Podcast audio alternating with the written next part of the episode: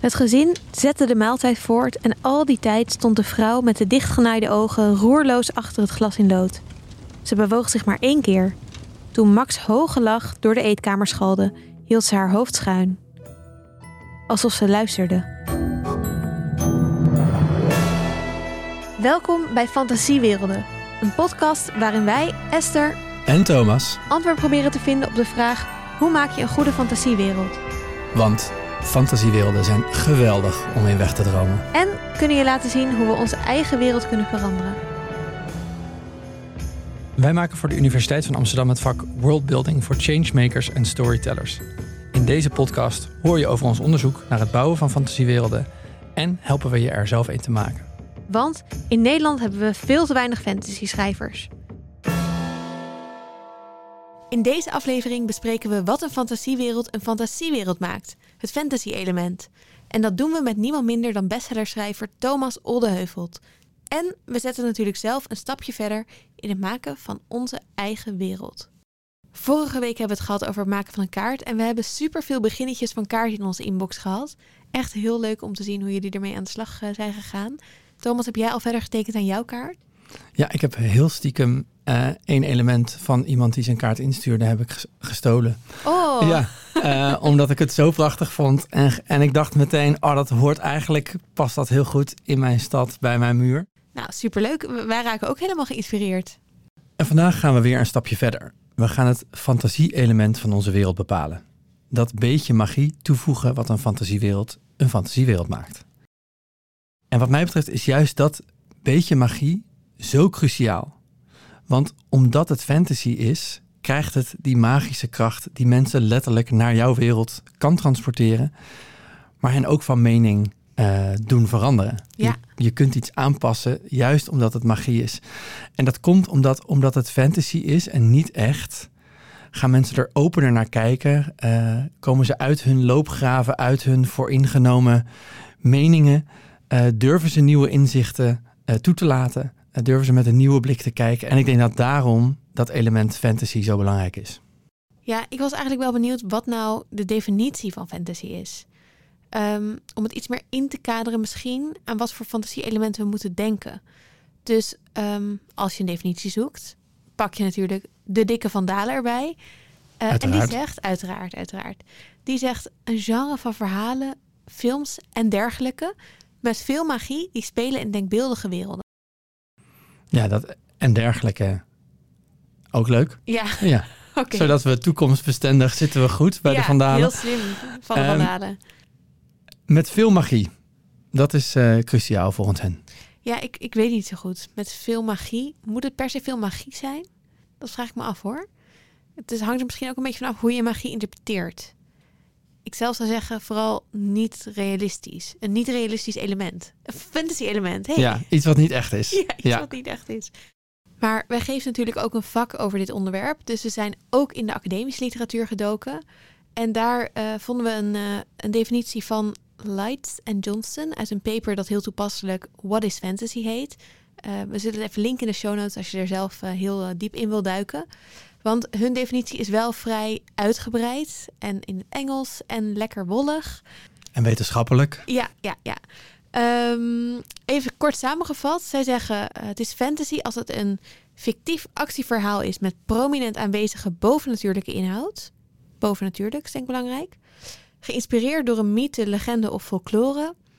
En iets interessants, maar ook ingewikkeld. Zij zeggen dat het bovennatuurlijke element door het publiek, dus de lezer bijvoorbeeld, niet wordt geloofd als echt. Maar dat het publiek wel gelooft dat er ooit mensen geloofden dat het echt was. Nou, dat is een mooie definitie, want bijvoorbeeld een draak, daar hebben mensen ooit van gedacht dat die echt bestonden, ergens. Ehm, dus die kan je nu gewoon als fantasy element volgens deze definitie inzetten. Maar wat ik jammer vind, is dat in elke fantasy film of boek die ik, die ik zie of wat ik lees, uiteindelijk eindig je toch altijd met, met toveren en met, en met trollen en met zwaarden of iets met robots en tijdreizen. Het lijkt alsof we misschien ook wel door deze, deze definitie nooit verder komen dan een bepaald aantal fantasy-elementen. Ja, als het gaat om wat, waar mensen vroeger in geloofden, dan zijn het dus dingen die al zijn bedacht. Terwijl ik wil ook hele gekke nieuwe andere dingen zien. Ja, ik wil gewoon een compleet nieuw fantasy-element. Ja, En ik zat nog te denken, misschien is dat wel heel moeilijk. Misschien is net als een nieuw woord verzinnen of een nieuwe kleur. Of een alien tekenen die niet op E.T. lijkt. Misschien is het wel gewoon heel erg moeilijk om echt een waarlijk nieuw fantasy element te kiezen, te Ja. bedenken. Dat zou kunnen. Misschien moeten we ons daarop instellen. Maar ja, ik zou eigenlijk zeggen, laat dit definitiegedeelte gewoon helemaal los. We hebben het er even over gehad, maar als je dit luistert en je bent aan je eigen wereld bezig, zou ik eigenlijk willen zeggen, gooi dit gewoon even weg, zeg maar uit je hoofd en ga wel proberen om iets heel erg nieuws te bedenken. Want voor mij hoeft het niet binnen een soort van definitie of kaders te vallen. Heel graag niet. Nee. Iemand die ons misschien verder kan helpen en inspireren is Thomas Oldeheuvelt. Hij is schrijver van boeken als Hex, Orakel en het net verschenen November. En zijn boeken zijn niet alleen in Nederland heel succesvol, maar ook in de Verenigde Staten, waar Stephen King, himself, the legend, zijn boek op Twitter aanraden. Och, moet je je voorstellen dat Stephen King überhaupt weet wie je bent. Ja. En laat staan dat hij dan zegt, dit is echt een heel erg goed boek. Dat moet je lezen. Echt ongelooflijk. Ja, ik ben, mijn droom voor deze podcast en het vak is dat Stephen King uiteindelijk naar mooie gemaakte werelden gaat kijken en dan gaat zeggen of, eh, of hij daar ook fan van is of daar, die daar enthousiast Oh. over is. Dat zijn echt goals. Oké, hey, we gaan het gewoon proberen. Als iemand luistert en je kent Stephen King, Ja, oproepje. Precies. Eh, George R. R. Martin, de schrijver van Game of Thrones, voor, daar geldt hetzelfde voor wat mij betreft. Die heeft ook ehm, eh, Thomas wel eens uitgenodigd voor een feestje. Dus hij is echt heel erg omarmd door de fantasy scene in, eh, in Amerika. Dat is wel echt heel bijzonder voor een. Nederlandse schrijver. Ehm, nou ja, wij spraken hem via Zoom, want hij zat in LA op dat moment. Natuurlijk. En we vroegen hem uiteraard eerst wat zijn eigen lievelingswereld is. Ik ben enorm fan van het boek eh, Het leven van Pi, Life of Pi van Jan Martel. Dus die ook heel mooi verfilmd is, die overigens. Ehm, wat ik zo, zo mooi eraan vind is dat eh, het is een magisch realistisch verhaal. Het, het gaat over een Indiase jongen die met zijn familie eh, verhuist naar Canada op een oud schip. Want ze moeten een hele dierentuin meenemen naar Canada met alle dieren. Het schip vergaat halverwege de Grote Oceaan. En een jongen, jaar of 15, die belandt op een eh, reddingssloep. Samen met een paar dieren en een Bengaalse tijger aan boord. En nou ja, die dieren die sneuvelen als eerste natuurlijk. En op een gegeven moment krijg je dus een hij en die tijger die aan boord zitten. En die ehm, samen moeten overleven. En een soort strijd over territorium. En hij en een klein sloepje erachter enzovoort. Ehm, heel fantasierijk. Eh, het wordt op een gegeven moment echt fantasy. Er gebeuren echt dingen die niet kunnen. En het knappe aan dat verhaal is dat het in de laatste tien bladzijden. dan geeft je een compleet andere kijk op het voorgaande verhaal. Eh, meer het echte verhaal, zoals we dat zouden willen zien misschien. En dan stelt je eigenlijk de vraag: ja, maar was het verhaal met de tijger niet veel mooier? En dat vind ik zo mooi. Dat gewoon. Dat, dat, dat tekent voor mij wat dit soort verhalen doen. Ja, is het verhaal met die tijger niet veel mooier? Ja, een heel mooi boek, Life of Pi. Een beetje magisch realisme. En ik vind het goed dat hij noemt dat het gaat over de kracht van verhalen vertellen, juist ook aan jezelf. Want dat is natuurlijk een van de redenen dat we dit doen. Omdat we denken dat het vertellen van verhalen iets in gang kan zetten. Of minstens kan leiden tot leukere borrels. Ook heel belangrijk. Ja. En volgens mij ben ik zijn, eh, zijn eerste boek gaan lezen, Hex. Nadat hij te gast was bij De Wereldrijd Door. Ik denk dat heel veel mensen hem daar een soort van hebben ontdekt.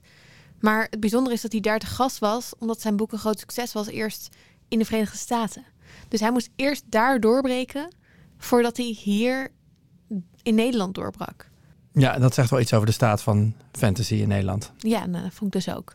En hij zelf ook, want hij vertelde dat boekhandels toen ook nog eens niet wisten wat ze met hem aan moesten. En toen ik net begon, was er totaal geen Nederlandse traditie van speculatieve literatuur, zoals je dat officieel zou moeten noemen. Zoals fantasy, sci-fi, horror. Ehm, en de boekhandel wist ook daardoor niet zo goed wat ze met mij aan moesten. De uitgevers wisten het ook niet. Ze hebben me eerst proberen neer te zetten als een fantasy schrijver. Eh, dat ik echt tussen de, de Robert Jordans en de Tolkien's lag in de boekhandel. Ehm, daarna hebben ze, kwam ik met een roman die heet hem Harte Sarah. Dat is een magisch realistisch verhaal. Dat valde weer, ja, dat, dat, dat, dat werd meer ingedeeld bij, bij YA, bij literaire hoek weer juist. En op een gegeven moment kwam Hex uit. En toen was er zoveel, zoveel plek had ik gehad, dat zelfs sommige boekhandels zetten Hex bij de kinderboeken neer. Dat was onverstandig. dat is een vrij, vrij griezelig verhaal, zeg maar. En, daarna ben ik met mijn werk uh, doorgebroken en algemeen bekend geworden. En nu is het duidelijk, ik schrijf horrorverhalen. Um, en het maakt mij helemaal niet uit hoe je het per se wil noemen of hoe de boeken het wil indelen. De meeste leggen me bij spanning neer gewoon. Ik denk dat het daar thuis hoort, want het zijn spannende boeken. Uh, er zijn er ook nog steeds die me bij fantasy neerleggen. Uh, snap ik, want er zit een, een, een, een fantastisch randje aan de verhalen. Um, er zijn sommigen die het nog steeds bij YA neerleggen. Maar over het algemeen weet ze wel, ja, ik ben, ik ben horrorschrijver. En in Nederland betekent dat dat je op de trillertafels terechtkomt. Ja, en als je als kind uh, per ongeluk Heks uh, zijn boek, zijn horrorverhaal van de kinderafdeling hebt gepakt, neem alsjeblieft contact met ons op, want dat, dat moet iets bijzonders met je hebben gedaan. Ja, ik wil heel graag horen hoe dat bij jou is binnengekomen. Hij vertelde nog iets wat ik me niet zo had bedacht, namelijk dat in veel literaire romans en keurige Booker Prize winners bijvoorbeeld, eigenlijk ook fantasy elementen zitten. Maar die noemen we geen fantasy. Het grappige is, als je het over het genre hebt, heel veel mensen denken van ja, fantasy dat lees ik niet, dat is niks voor mij. Maar ga eens goed kijken, want van heel veel, in heel veel literatuur komen fantastische elementen voor. En die lezen mensen zonder dat ze helemaal beseffen dat ze eigenlijk fantasy horror of sci-fi lezen. Neem de ontdekking van de hemel van Harry Mulisch. Uh, Zo'n ontzettend magisch realistisch verhaal. Vol fantasy elementen zit dat. Um, uh, zo zijn er talloze voorbeelden te bedenken van de klassieke grote literaire auteurs die, die, die um, fantastisch mooie griezelverhalen vertellen of fantastisch mooie fantasyverhalen vertellen. Zonder dat je echt beseft dat je dat genre aan het lezen bent. Dat is een beetje het stigma wat het genre van oudsher misschien heeft, zeker in Nederland. Omdat, hè, dat is gek, dat doen we niet aan. Terwijl ook wat je op Netflix kijkt of wat je op HBO kijkt, dat is, acht van de tien keer zitten daar ook fantasy elementen in of horror elementen in. En dat slikken we als zoete koek. En um, ik denk, daarom ben ik ook nooit zo geïnteresseerd in, in de hokjes van, van hoe noem je dat genre precies, hoe noem je dat precies. Het zijn gewoon verhalen waarin soms dingen gebeuren die niet helemaal kunnen, maar die wel iets prachtigs zeggen over de wereld die we wel kennen, uh, waar we allemaal van houden. Ontdekken van de Hemel is eigenlijk ook gewoon een fantasyboek. Sowieso heel veel van die Harry Mulisch-achtige verhalen zijn heel dromerig en heel in gekke andere werelden of, of met hele magische dingen. Mensen kijken gewoon heel hard neer op het genre, terwijl onze allergrootste schrijvers stiekem gewoon fantasy schrijvers zijn. Grote drie, alle drie fantasy schrijvers. Ja. Claimen wij hier, zeggen wij nu. We moeten het gewoon helemaal rebranden. Nou, is volgens mij ook wel een beetje aan het veranderen. En dat merk ik niet alleen aan alle mensen die mij uh, mailen naar aanleiding van het vak en de podcast. Die ik niet wist dat ook gewoon stiekem uh, fantasy liefhebbers waren. Ik gevoel dat er wel wat meer mainstream aan het worden is. Ja, en daar uh, vertelde Thomas ook wat over. Ja, je ziet de laatste, ik denk, dat een jaar of tien geleden, misschien iets langer zelfs al wel is begonnen met gewoon het, het enorme succes van, toen vooral nog de films. Hè? Je had de Harry Potter reeks, je had de, Lord of the Rings natuurlijk, die films.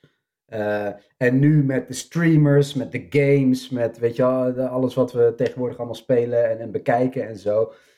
Is popculture veel meer ook onze eigen identiteit geworden. En in popculture, alle blockbusters van toen, dat waren al sci-fi en horror en, en, en fantasy en zo. En, en nu wat je op Netflix ziet, alle populaire series, die hebben vaak ook die, um, een crossover van genres in zich. En ik vind dat een goede ontwikkeling. En ik denk dat uh, je ook in de literatuur ziet. Um, en ik, ik, durf zelfs wel te zeggen dat, dat Hex, mijn boek, daar ook wel een bijdrage bij heeft geleverd in Nederland. Uh, omdat je had daarvoor, je had natuurlijk Stephen King werd vertaald in het Nederlands, een aantal andere auteurs. Maar heel veel had je niet. En toen was het ook heel onwaarschijnlijk dat zo'n boek als, uh, als van Stephen King in, in, in de NRC besproken zou worden. Nou, dat is nou heel gewoon geworden. En zo ook met mijn werk voor, voor Nederlandse auteurs. Want ik ben eigenlijk de, de eerste Nederlandse auteur die dit soort uh, boeken zeg maar, uh, publiceerde en mainstream daarmee is geworden. Um, de Volkskrant gaf Hex vijf sterren. Dat was een paar jaar geleden, of, of ja, voordat het uitkwam, was dat niet, niet te voorstellen dat dat zou gebeuren. En dus ik denk dat je nu veel meer ziet dat ook de literaire wereld gewoon dat wel omarmt, het genre. Ik denk dat er echt veel mogelijkheden liggen. En ook, kijk, wat bovendien, waar je denk ik een belangrijk onderscheid in moet maken, is dat um, de verkoop was er altijd wel al. Dus als je als auteur een, uh, dit soort boeken schreef, uh, die konden commercieel succesvol worden. En op dit moment helemaal. Van, van de meeste genreboeken verkopen een stuk meer dan, dan de meeste literaire romans. Uh, het, was, is alleen dat nu ook de media en ook zelfs de recensenten ze hebben omarmd. Omdat er zijn gewoon ook heel goede, kwalitatief goede uh, genre-romans verschenen. Die echt iets toevoegen, die echt gelaagd zijn, die iets, iets zeggen over de maatschappij op dit moment. En, en, uh, dus ik denk dat dat een heel goede ontwikkeling is, dat dat ook erkend wordt. Ja, perfecte timing voor deze podcast en voor jullie. Dit is het moment om met je eigen fantasyverhaal te komen. Ja, en hij noemt dat er zoveel goede boeken zijn, omdat ze ook iets zeggen over de maatschappij op dit moment. Wil ik toch even onderstrepen natuurlijk. Hij zit wel lekker in mijn kamp. Ja, ik snap dat je dat zegt, maar toen we hem vroegen of hij dat ook belangrijk vond, toen bleek hij vooral in mijn kamp te zitten. Hmm. In eerste instantie vind ik het belangrijk dat verhalen je raken. Mijn doel is altijd als ik een verhaal schrijf, ik wil de lezer raken. Want wat zijn de boeken die het meest bijblijven? Dat zijn de boeken die je aan het lachen hebben gemaakt, die je aan het huilen hebben gemaakt, die je doodsbang hebben gemaakt. Dat, dat, wil ik bereiken als, als, als schrijver. Dat, dat je een boek schrijft wat bijblijft, wat raakt. Maar natuurlijk ehm, is het heel mooi om ook in dit soort verhalen die een groot publiek weten te bereiken, iets te kunnen zeggen. Kijk, Hex gaat enerzijds over een dorpje dat is vervloekt door een vrouw met dichtgenaaide ogen 300 jaar geleden. Um, maar anderzijds gaat het over hoe een moderne maatschappij um, afbrokkelt onder puur de angst voor de ander, voor het vreemde onder ons. Uh, en dat kun je, kun je toepassen op, op de vreemdelingencrisis, op de, weet je wel, de, de dat, soort dingen van een paar jaar geleden, weet je wel. Uh, dat kun je op, op, het algemeen, hoe bestand zijn huidige maatschappijen tegen um, onverwachte gebeurtenissen? Helemaal niet zo bestand, dat weten we. Uh, weten we de COVID-pandemie ook gezien. Um, en met mijn nieuwe boek November doe ik dat ook weer van op heel andere manier. Daar kaart ik juist belangrijke thema's als vrijwillige levensbeëindiging of, of uh, euthanasie of, of zelfs zelfdoding aan. Um, in de vorm van een spannend verhaal. Maar tegelijkertijd zet het je ook aan het denken, denk ik. En, en dat, daar, daar zijn dit soort verhalen uitermate geschikt voor. Volgens mij, als jij hier naar luistert, denk je... Ha, Thomas is het met mij eens. en ik luister naar en ik denk hetzelfde, maar dan over mijn punt. Maar misschien moeten we maar positief zien dat dit de ideale middenweg is. Ja, ik denk dat het klopt wat hij zegt. Voorop staat dat je een heerlijk verhaal vertelt. En als je dan toch dat heerlijke verhaal aan het vertellen bent, waarom dan niet? Of zoals hij zegt, maar natuurlijk kun je daar dan nog een doel aan toevoegen. Ja. Ik was heel benieuwd wat zijn schrijfproces is en hoe je dan op die maatschappelijke thema's komt. Het is elke keer verschillend hoe dat gaat. Neem November. November is een boek dat had ik um, na het schrijven van Hex al in gedachten zitten.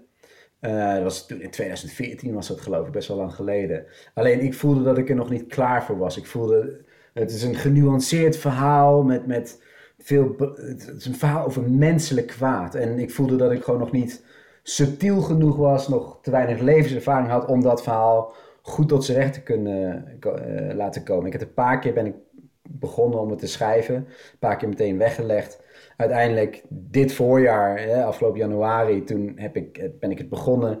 En het was juist de tijd om het te oogsten blijkbaar, want het kwam als in één groot creatief proces naar buiten. Uh, dat was heel prettig. Um, maar dat, dat verhaal ontwikkelde zich door...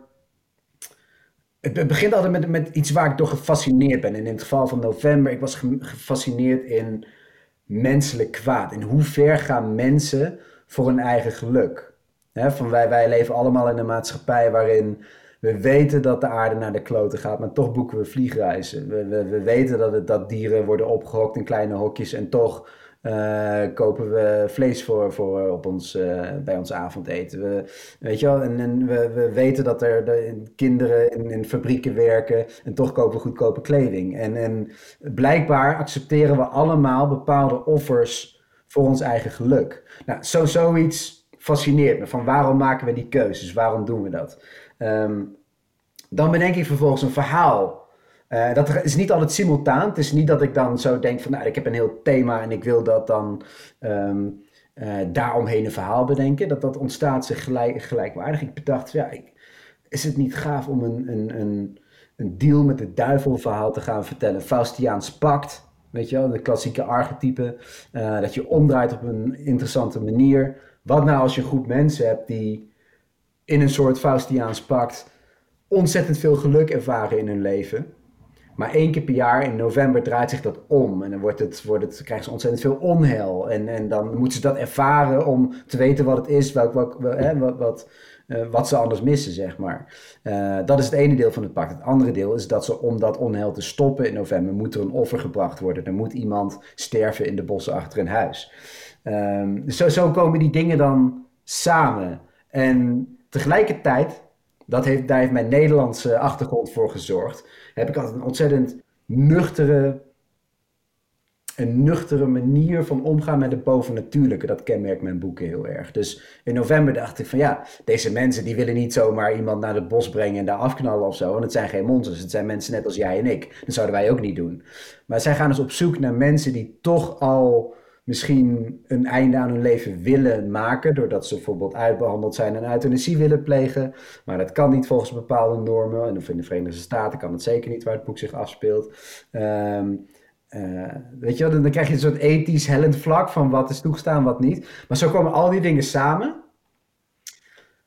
En dan ga ik me voorstellen, hoe, hoe, zou ik zijn als ik daar zou leven? Hoe zou mijn moeder zijn als ze in die straat zou leven? Hoe zou iemand anders, hoe zou een kind zijn als hij in die straat zou leven? Weet je wel? En dan, uh, dan, dan ontstaan de personages. En dan op een gegeven moment denk ik, ja, dit is het moment, dan komt het kantelpunt. En dan heb ik genoeg van, oké, nou, geen idee waar het verder naartoe gaat, maar ik ga gewoon schrijven. En dan ontwikkelt het zich vanzelf.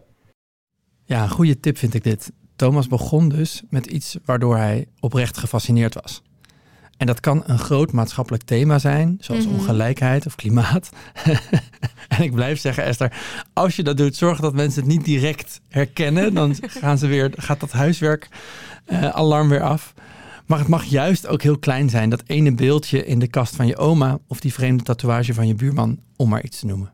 Ja, dat is ook wel een goede volgende stap misschien. Na je kaart, je eerste zin, uh, om één ding te kiezen wat jou fascineert en dan daar de wereld verder omheen te gaan bouwen. Maar ik loop misschien een beetje op de zaken vooruit, want we gaan straks met onze eigen wereld aan de slag. Eerst nog wat, uh, wat wijze woorden van Thomas. We hebben hem namelijk ook nog gevraagd waarom hij zelf fantasieverhalen ging schrijven en hoe hij dat fantasie-element ziet. Ik denk dat het bij mij is ontstaan. Mijn vader is heel erg jong overleden. Ik was drie jaar.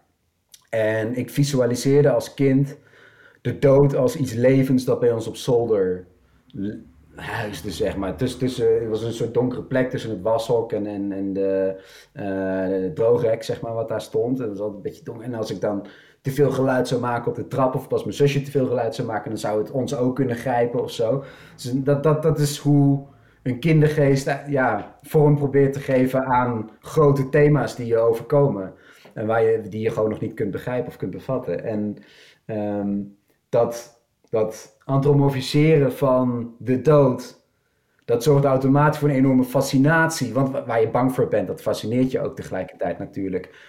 Voor een fascinatie voor verhalen waar dat in voorkwam. Um, dus dan kom je bij, bij giezelverhalen uit. En ik had een opa en een oom die me voor het slapen gaan altijd spannende verhalen vertelden. Uh, mijn, mijn opa bedacht ze altijd zelf. En het waren typisch, hij was echt een verhalenverteller van die typische Roald Dahl-achtige verhalen. Heel gemeen, nee, niet helemaal geschikt voor kinderen, weet je wel.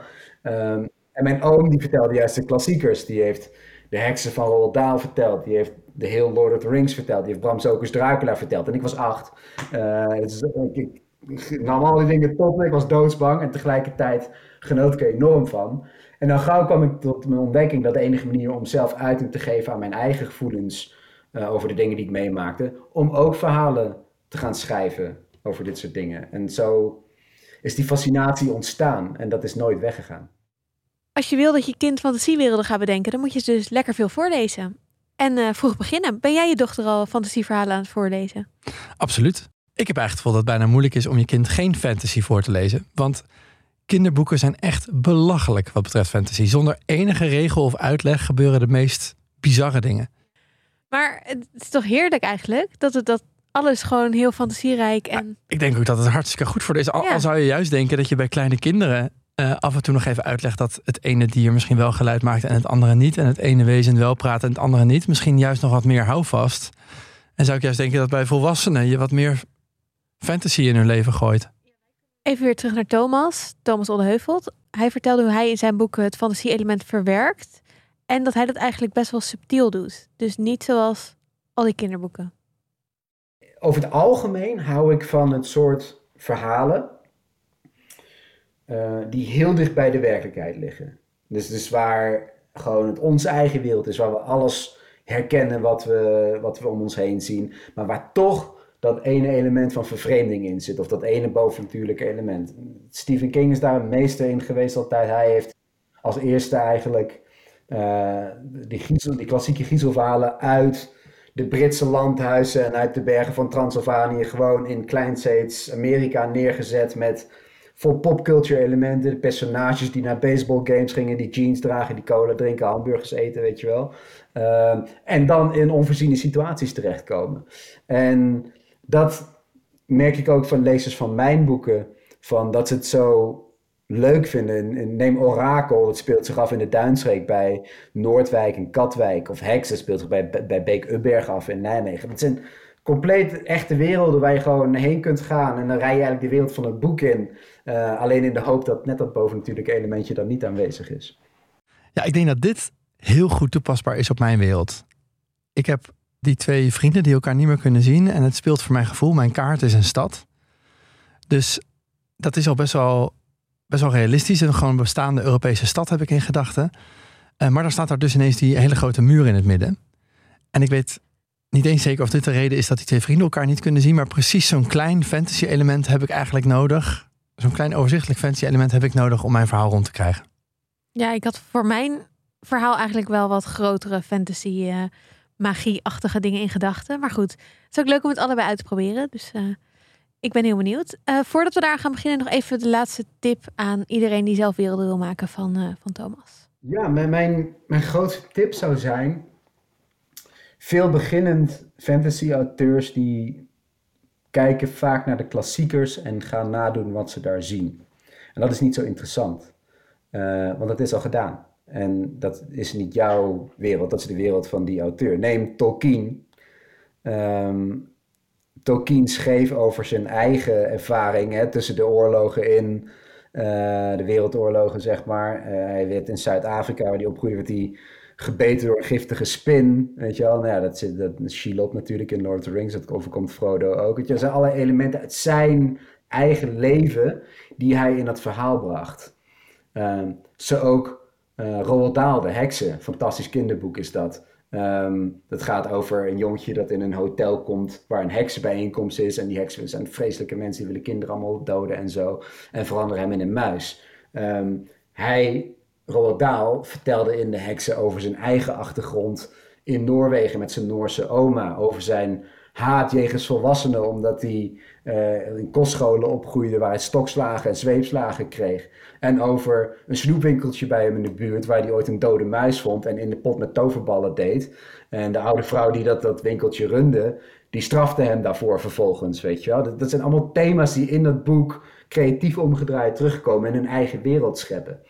Dus mijn tip is aan beginnend fantasy schrijvers, ga op zoek naar wat jouw verhaal is, naar wat jouw wereld is. En misschien denk je wel van ja, ja, maar ik woon gewoon in Alphen aan de Rijn en ik heb helemaal geen interessant leven en er is helemaal niks aan of weet. Weet je. Nee, ook jij hebt een eigen unieke achtergrond. Ik ben er zelf naar op zoek gegaan bij mijzelf. Van, want ik dacht datzelfde. Oké, hoe ga ik nou een interessant verhaal zijn? Gewoon een jongen uit Nijmegen, weet je wel. Hoe ga ik een interessante wereld scheppen? Maar ik dacht, ja, juist dat Nederlandse, die nuchtere inslag, dat nuchtere omgaan met de bovennatuurlijke, dat kan mijn verhaal uniek maken.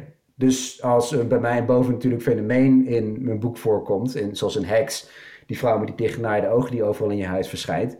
Ja, mensen hangen gewoon een handdoekje over het gezicht en gaan de krant lezen, weet je wel. Dat maakt het net fris en origineel. Um, en ook mijn eigen Hollandse achtergrond en, en, en, en, gewoon de plekken hier natuurlijk, weet je wel. En mijn eigen angst voor het verlies van dierbaren door de dood van mijn vader. Uh, ook dat is een thema wat altijd terugkomt in mijn werelden over personages die voor onmogelijke keuzes worden gesteld. Um, omdat ze anders misschien wel degene waarvan ze houden verliezen. Um, dat, dat, dat maakt dan wat het uniek mijn verhalen maakt. Dus ik zou jou willen meegeven, ga altijd op zoek naar wat maakt jou als mens uniek. En ga dat in je wereld stoppen. En ga jouw jouw wereld verdraaien tot een unieke fantasywereld. En dan heb je een originele wereld.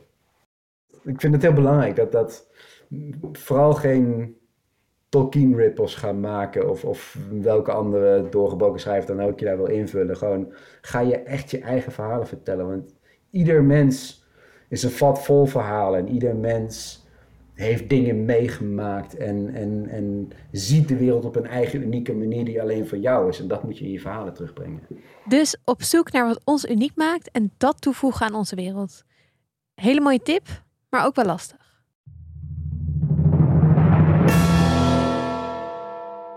Oké, niet makkelijk dus, fantasie-element toevoegen. Maar Thomas, jij hebt een eh, goede opdracht bedacht, toch? Om dit te gaan doen. Ja, het is tijd voor de volgende stap in jullie eigen werelden. En ten eerste, als je al iets hebt, en volgens mij hebben heel veel mensen die zitten te luisteren, hebben al best wel een afbeeld van hoe hun wereld eruit ziet. Als je iets origineels hebt bedacht, laat je door deze opdracht niet afleiden. Hou vast aan je originele idee, maar voor de anderen.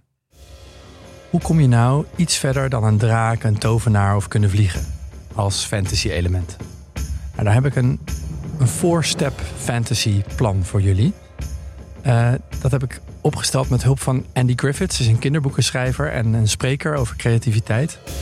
En met hulp van Thomas Oldeheuvelt, die we spraken. En met Andy McDowell, die uh, onder andere bekend is van de grote filmwerelden die hij in elkaar zet. Vier stappen dus. Stap 1. Kies een team. Als je in mijn team stapt, waar de schoonheid van je verhaal centraal staan, dan moet je misschien een heel erg mooi fantasy-element van non-stop vallende sterren uh, kiezen. Iets wat er prachtig uitziet of wat heerlijk vertelt. Als je in Esther's team zit en er moet een doel worden bereikt, dan heb je misschien een wat krachtiger fantasy-element nodig. Dan heb je misschien inderdaad wel die sterke draak nodig om de wereldorde compleet overhoop te gooien.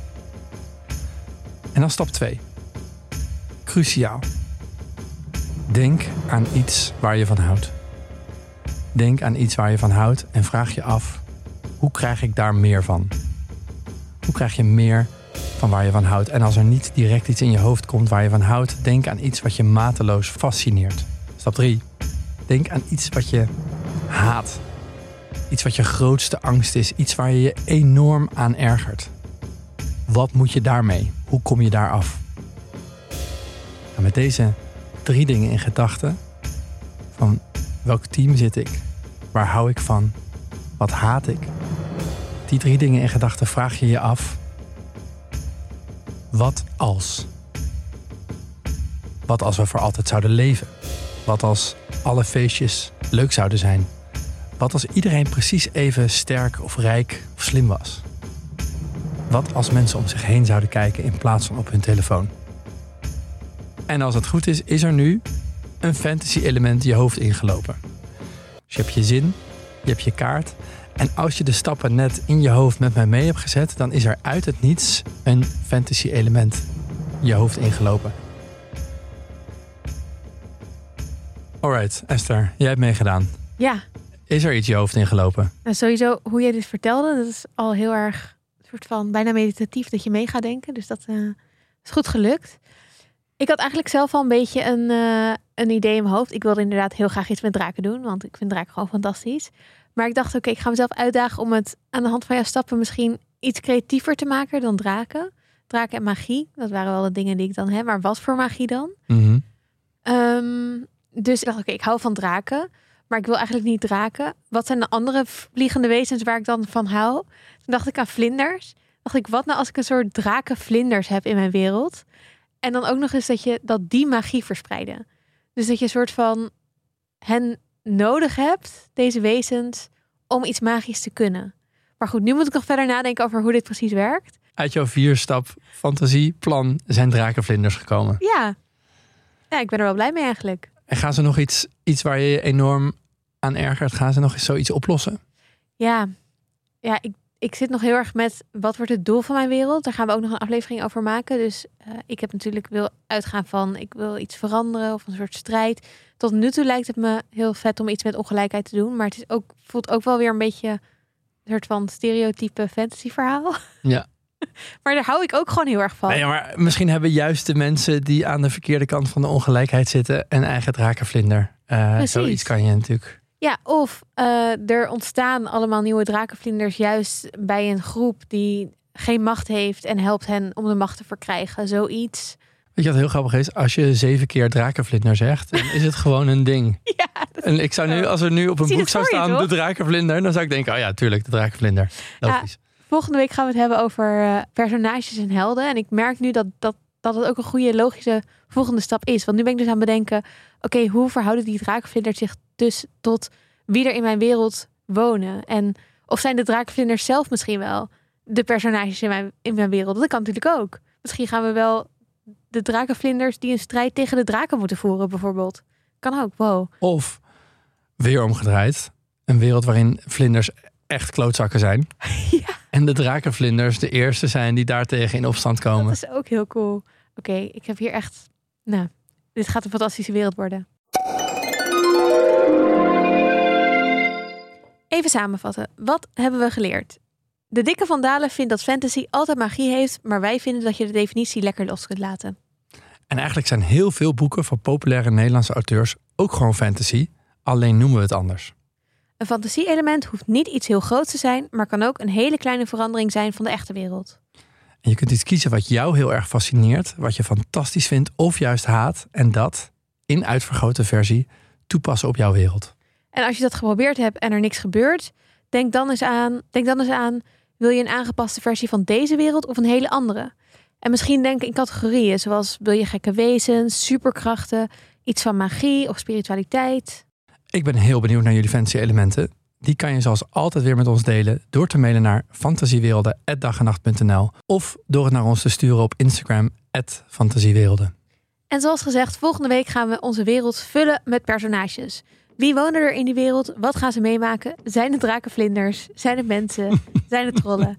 Eh, daarvoor hebben we met Manju Rijmer en Thijs Launsbach gesproken en ik heb heel veel zin in.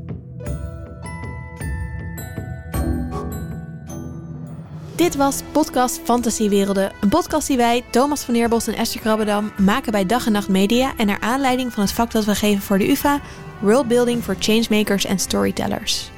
Muziek was van Lucas de Gier, artwork door Daan van Bommel en de podcast is tot stand gekomen met hulp van Tim de Gier, Emma Timmermans, Meerte van Munster en Meerte Verhagen.